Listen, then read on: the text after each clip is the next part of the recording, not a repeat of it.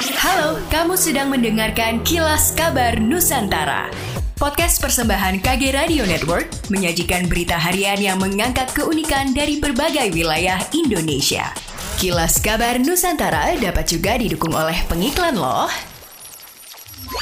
Stefanus Banliau, anggota DPD RI asal Sulawesi Utara melakukan kunjungan kerja ke Manado. Kunjungan kerja itu, kata Banliau, difokuskan mengetahui tentang pengawasan pelaksanaan Undang-Undang Ketenagakerjaan serta perubahannya, yaitu Undang-Undang Cipta Kerja. Adapun nantinya Banliau akan mendengarkan aspirasi dari PLN, pemerintah daerah, kelompok masyarakat, serta masyarakat terkait permasalahan yang dijumpai tentang ketenaga listrikan. Kunjungan kerja tersebut merupakan bagian dari menjembatani aspirasi aspirasi masyarakat dan kepentingan daerah, sehingga Banlio berharap dirinya dapat mendengarkan aspirasi yang jujur dan kemudian dapat diperjuangkan untuk menjadi manfaat bagi orang banyak. Ingin belajar soal isu kesehatan mental? Sering merasa sendirian dan sulit dimengerti lingkungan sekitar soal perasaan kamu? Tenang, kamu nggak sendiri kok. Dengerin podcast Anya Menjiwa yang ngebahas seputar kesehatan mental dari lingkup pekerjaan, percintaan, hingga sosial. Persembahan Medio by KG Media dan Sonora FM di Spotify.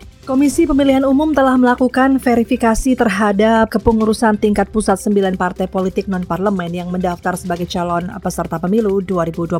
Di tingkat pusat, 9 partai tersebut dinyatakan memenuhi syarat. Setelah menyelesaikan verifikasi faktual parpol calon peserta pemilu 2024 di tingkat pusat, pada Senin ini verifikasi faktual dilanjutkan ke tingkat provinsi dan kabupaten kota. 9 parpol non-parlemen tersebut di antara lain adalah Partai Gelora, Partai Umat, Partai Garuda, Partai Solidaritas Indonesia, Indonesia dan Partai Buruh. 533 rumah terendam banjir di Desa Sitiarjo, Kecamatan Sumber Manjing Wetan, Kabupaten Malang, Sabtu 15 Oktober 2022. Saat ini banjir sudah mulai surut, di mana Nur Fuad Fauzi, Kepala BPBD Kabupaten Malang juga mengungkapkan, saat ini pihaknya sedang membersihkan sisa lumpur yang ada di hari Minggu pada 16 Oktober 2022.